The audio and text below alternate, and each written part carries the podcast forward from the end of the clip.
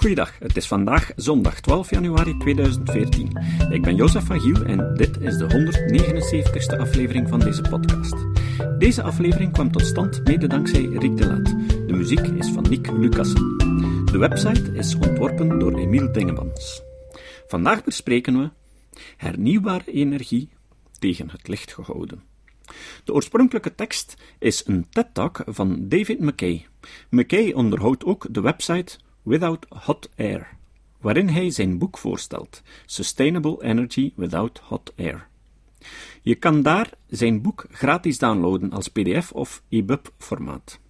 Er is ook een overzichtsdocument te downloaden in het Nederlands. En hij zoekt nog altijd vrijwilligers die het volledige boek willen vertalen. Hij bestaat al in het Frans en in het Duits volledig, maar in het Nederlands alleen een samenvatting. Aan het begin van de industriële revolutie zat er evenveel koolstof onder Groot-Brittannië in de vorm van steenkool als er koolstof onder Saoedi-Arabië zat in de vorm van olie. Deze koolstof was de motor van de industriële revolutie, zette de groot in Groot-Brittannië en leidde tot de tijdelijke wereldheerschappij van Groot-Brittannië. In 1918 piekte de steenkoolproductie in Groot-Brittannië en is sindsdien gestaag afgenomen. Later begon Groot-Brittannië olie en gas uit de Noordzee te gebruiken, maar in 2000 piekte ook de productie van olie en gas uit de Noordzee. Ook die zijn nu bezig aan hun neergang. Deze vaststelling over de eindigheid van gemakkelijk bereikbare lokale fossiele brandstoffen zijn een motivatie om te zeggen: wat nu? Hoe gaan we leven als de fossiele brandstoffen op zijn?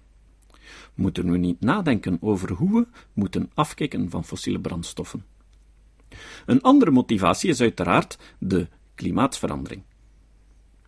Als mensen praten over het leven na fossiele brandstoffen en maatregelen tegen klimaatverandering, dan hoor je een heleboel blaasjes, een heleboel groene prietpraat, een heleboel misleidende reclame. Als natuurkundige denk ik dat het mijn plicht is om te proberen de mensen hun ogen te openen, ze te laten inzien welke acties echt een verschil maken en ze richten op ideeën die ertoe doen. Laat mij dit illustreren met wat natuurkundigen wel eens een berekening op de achterkant van een enveloppe noemen. Wij houden van dat soort berekeningen.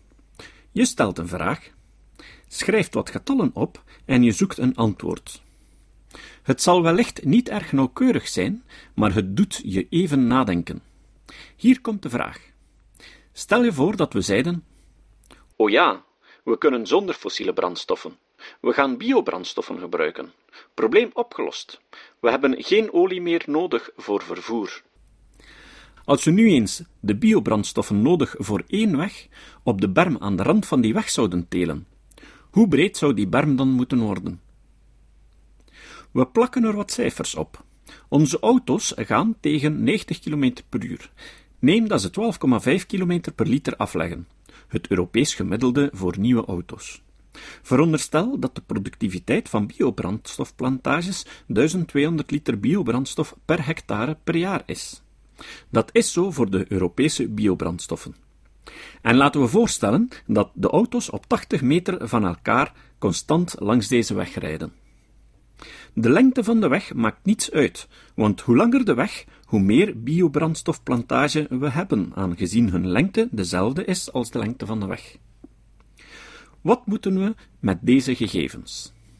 Wel, deel het eerste door de andere drie en je vindt ongeveer 8 kilometer. Dat is het antwoord. Dat is hoe breed de plantage zou moeten worden volgens deze aannames. En dan zeg je misschien: Misschien gaat het toch niet zo gemakkelijk zijn. Misschien zou je denken dat het te maken heeft met landbouwoppervlakte. Is er dan een probleem met landbouwoppervlakken? En het antwoord is ja, maar het hangt ervan af in welk land je bent. Laten we beginnen met het Verenigd Koninkrijk. Ik wil het totale energieverbruik van het Verenigd Koninkrijk niet alleen voor het vervoer, maar voor alles voorstellen door gloeilampen van 40 watt. Het is alsof we allemaal de hele tijd 125 lampen laten branden. 125 kilowattuur per dag per persoon is het energieverbruik van het Verenigd Koninkrijk. Dat zijn 40 lampen voor vervoer, 40 lampen voor verwarming en 40 lampen voor het maken van elektriciteit. Andere dingen zijn relatief klein vergeleken met deze drie grote brokken. Het is eigenlijk een nog grotere voetafdruk als we rekening houden met de energie voor de dingen die we importeren. 90% van deze energie komt vandaag nog steeds van fossiele brandstoffen en slechts 10% uit andere, mogelijk groenere bronnen als kernenergie en hernieuwbare energiebronnen. De bevolkingsdichtheid in het Verenigd Koninkrijk is 250 mensen per vierkante kilometer. We kunnen nu verschillende landen op een grafiek uitzetten waarbij we verticaal hun energieverbruik per persoon uitzetten in aantal gloeilampen.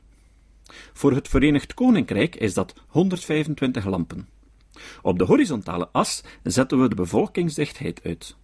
Die is dus 250 mensen voor het Verenigd Koninkrijk. We voegen er de andere landen aan toe. Daar zit nogal wat variatie in. Linksboven op deze grafiek bevinden zich dan Canada en Australië, met enorme gebieden en een zeer hoge consumptie per hoofd, 200 of 300 lampen per persoon, en een zeer lage bevolkingsdichtheid. Rechtsboven heeft Bahrein ongeveer hetzelfde energieverbruik per persoon als Canada, meer dan 300 lampen per persoon, maar hun bevolkingsdichtheid is een factor 300 keer groter, 1000 mensen per vierkante kilometer. Rechtsonder heeft Bangladesh dezelfde bevolkingsdichtheid als Bahrein, maar verbruikt 100 keer minder per persoon. Onderaan links staat er niemand, maar vroeger stonden daar een hele hoop landen. Hier is een andere boodschap in dit diagram. Landen als Soudaan, Libië, China, India, Bangladesh stonden 15 jaar geleden veel meer naar linksonder. De meeste landen gaan naar rechts omhoog, naar een grotere bevolkingsdichtheid en een hogere consumptie per hoofd. We zitten in de rechterbovenhoek, een buitenbeentje. Het Verenigd Koninkrijk samen met Duitsland, Japan, Zuid-Korea, Nederland en een heleboel andere wat aparte landen. Maar veel andere landen gaan omhoog en naar rechts en komen dichter bij ons. Wij geven een beeld van waar de toekomstige energieconsumptie in andere landen naartoe gaat. Op deze grafiek kan je ook lijnen tekenen die met een hoek van 45 graden van linksboven naar rechtsbeneden lopen. Dat zijn lijnen van gelijk energieverbruik per oppervlakte-eenheid in watt per vierkante meter.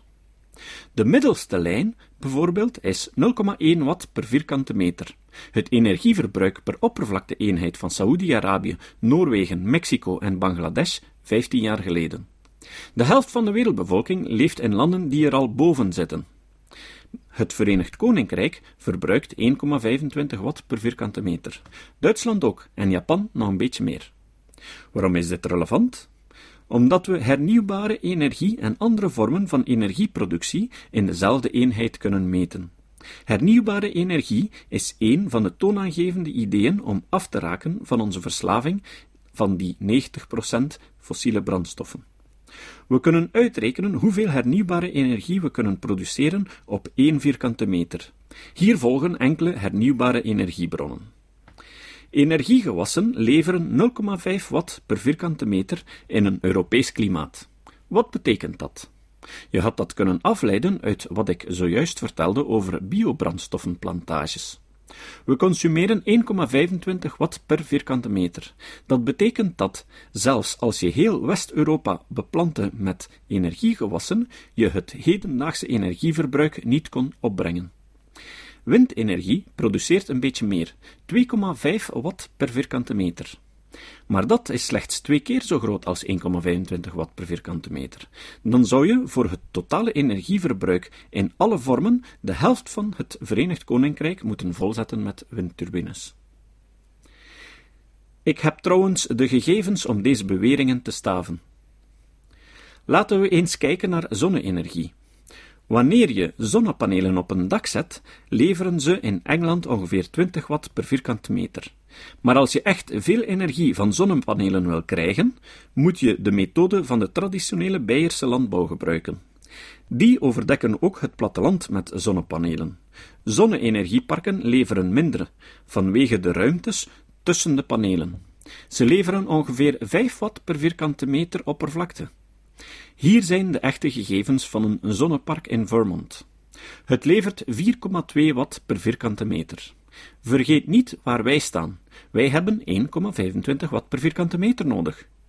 Windboerderijen geven slechts 2,5 en zonnepanelen ongeveer 5. Welke hernieuwbare energiebron je ook kiest, welke mix van deze hernieuwbare energiebronnen je ook gebruikt, als je het Verenigd Koninkrijk ermee van energie wil voorzien, zal je ongeveer 20% of 25% van het land ervoor nodig hebben. Ik zeg niet dat het een slecht idee is. We moeten alleen de cijfers begrijpen. Ik ben absoluut niet tegen hernieuwbare energiebronnen. Ik ben er dol op. Maar ik ben ook dol op wiskunde. Zonne-energie concentreren in woestijnen levert grotere vermogens per oppervlakte-eenheid, omdat er haast geen wolken zijn. Sommige faciliteiten leveren 14 watt per vierkante meter, andere 10 watt per vierkante meter, en een grote spiegelcentrale in Spanje 5 watt per vierkante meter. Als we zonne-energie gaan concentreren, is het perfect geloofwaardig dat we 20 watt per vierkante meter kunnen krijgen. Dat is leuk. Maar Groot-Brittannië heeft natuurlijk geen woestijnen. Nog niet. Even een overzicht tot nu toe. Alle hernieuwbare energie, hoezeer ik er ook voor ben, is diffuus. Ze hebben allemaal een klein vermogen per oppervlakte-eenheid. Daar moeten we mee leren leven. En dat betekent dat, als je wil dat hernieuwbare energiebronnen een aanzienlijk verschil uitmaken voor een land als het Verenigd Koninkrijk op de schaal van het huidige verbruik, je je hernieuwbare faciliteiten ter hoogte van het land moet indekken. Niet het hele land, maar een belangrijk deel van het land.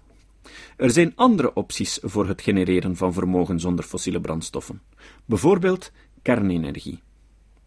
Een Sizewell B-kerncentrale produceert ongeveer 1 gigawatt per vierkante kilometer, of 1000 watt per vierkante meter.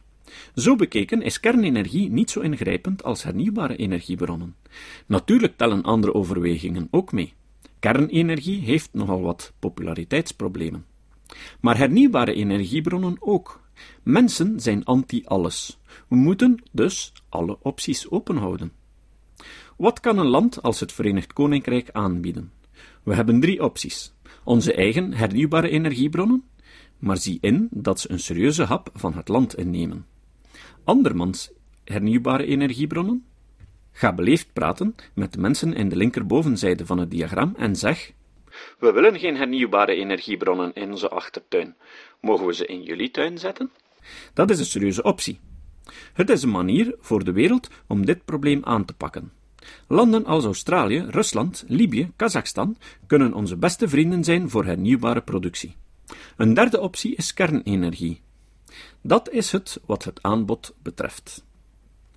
Bedenk dat we op dit moment grote hoeveelheden energie, dat wil zeggen 90% van onze energie, uit fossiele brandstoffen verkrijgen.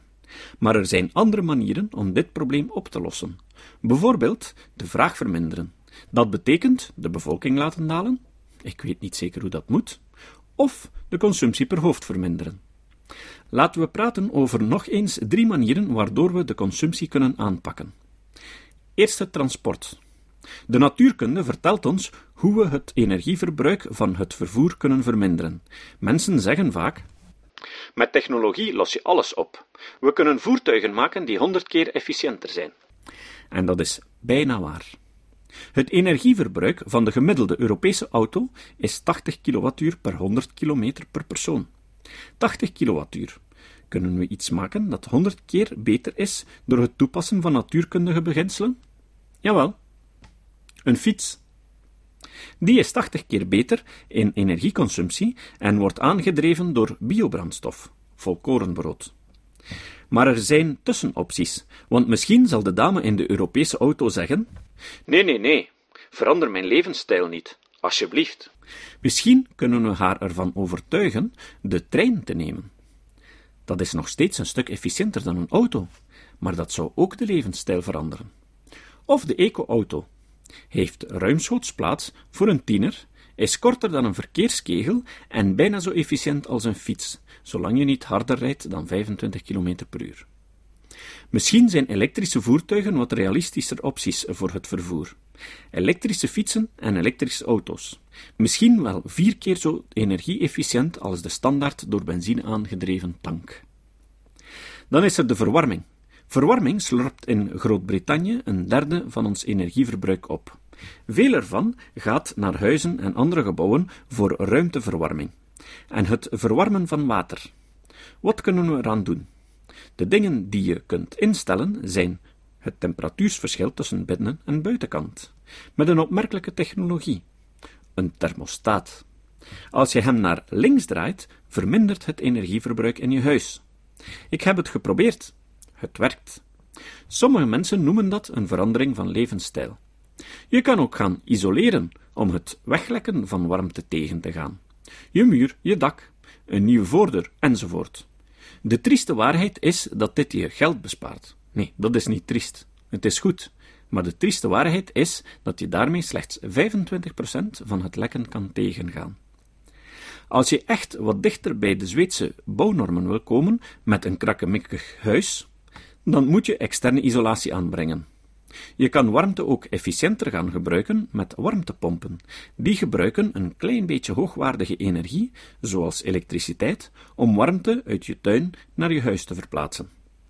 Een derde manier om je energieverbruik te verminderen is je meters aflezen. Mensen praten veel over slimme meters, maar je kunt het zelf doen. Gebruik je eigen ogen en wees slim. Lees je meters af en als je een beetje op mij lijkt, zal het je leven veranderen. Ik was een boek aan het schrijven over duurzame energie en een vriend vroeg me: Hoeveel energie verbruikt je huis? En ik was beschaamd. Ik wist het niet. Dus begon ik met elke week de meter af te lezen.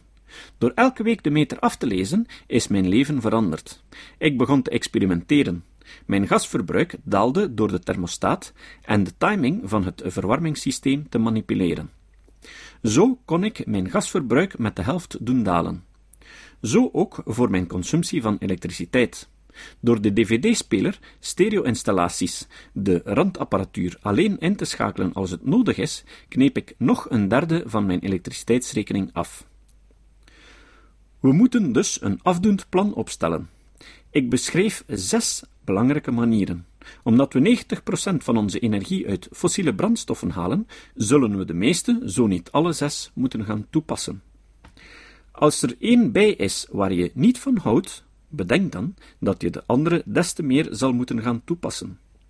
Daarom ben ik een groot voorstander van een volwassen gesprek, gebaseerd op cijfers en feiten. Als je wilt toekomen met 16 lampen per persoon, bedenk dan dat we er vandaag 125 gebruiken. Met 16 uit wind. Dat betekent dat voor het Verenigd Koninkrijk 160 windmolenparken, elk 100 vierkante kilometer groot. Dat zou voor windenergie 20 maal meer zijn dan vandaag. Om met kernenergie 16 lampen per persoon te hebben, heb je een viervoudige stijging over de huidige niveaus van kernenergie nodig. Met biomassa, voor 16 lampen per persoon, heb je een oppervlakte van 3,5 maal Wales nodig. Ofwel in ons land, ofwel in een ander land. Ierland misschien. Mogelijk ergens anders. En een vierde optie, geconcentreerde zonne-energie in de woestijn van andere mensen. Voor 16 gloeilampen praten we over een totale oppervlakte van twee Greater Londons in de Sahara van iemand anders. Je zult elektrische leidingen moeten hebben door heel Spanje en Frankrijk om dat vermogen van de Sahara naar Surrey te brengen. We moeten een plan hebben dat ertoe doet. We moeten stoppen met schreeuwen en beginnen te praten. Als we een volwassen gesprek kunnen voeren en een degelijk plan kunnen maken, kan deze lage koolstofrevolutie wel eens leuk worden. Het citaat. Het citaat van vandaag komt van Ray Anderson. Ray Anderson kwam al aan bod in de 163ste aflevering. Hij was een groot industrieel die in zijn bedrijf een ware groene revolutie tot stand bracht. Anderson zei: Er zit daar beneden genoeg steenkool om ons allemaal te doden. En frackinggas doet daar nog een schepje bovenop. Maar Ray Anderson is te vroeg gestorven om dit te weten. Tot de volgende keer. Dit was de podcast Kritisch Denken. Vergeet niet om alles kritisch te behandelen, ook deze podcast. Voor verdere informatie over deze podcast, links en voor de tekst, surf naar www.kritischdenken.info. Als je deze podcast belangrijk vindt, kun je me steunen door anderen warm te maken ook eens te luisteren. Stuur een e-mail naar vrienden met een link naar de website en plaats de link in de handtekening van je e-mails. Tevens kun je op iTunes deze podcast een beoordeling geven of een recensie schrijven. Of je kan op je eigen website of blog een link naar kritisch denken plaatsen.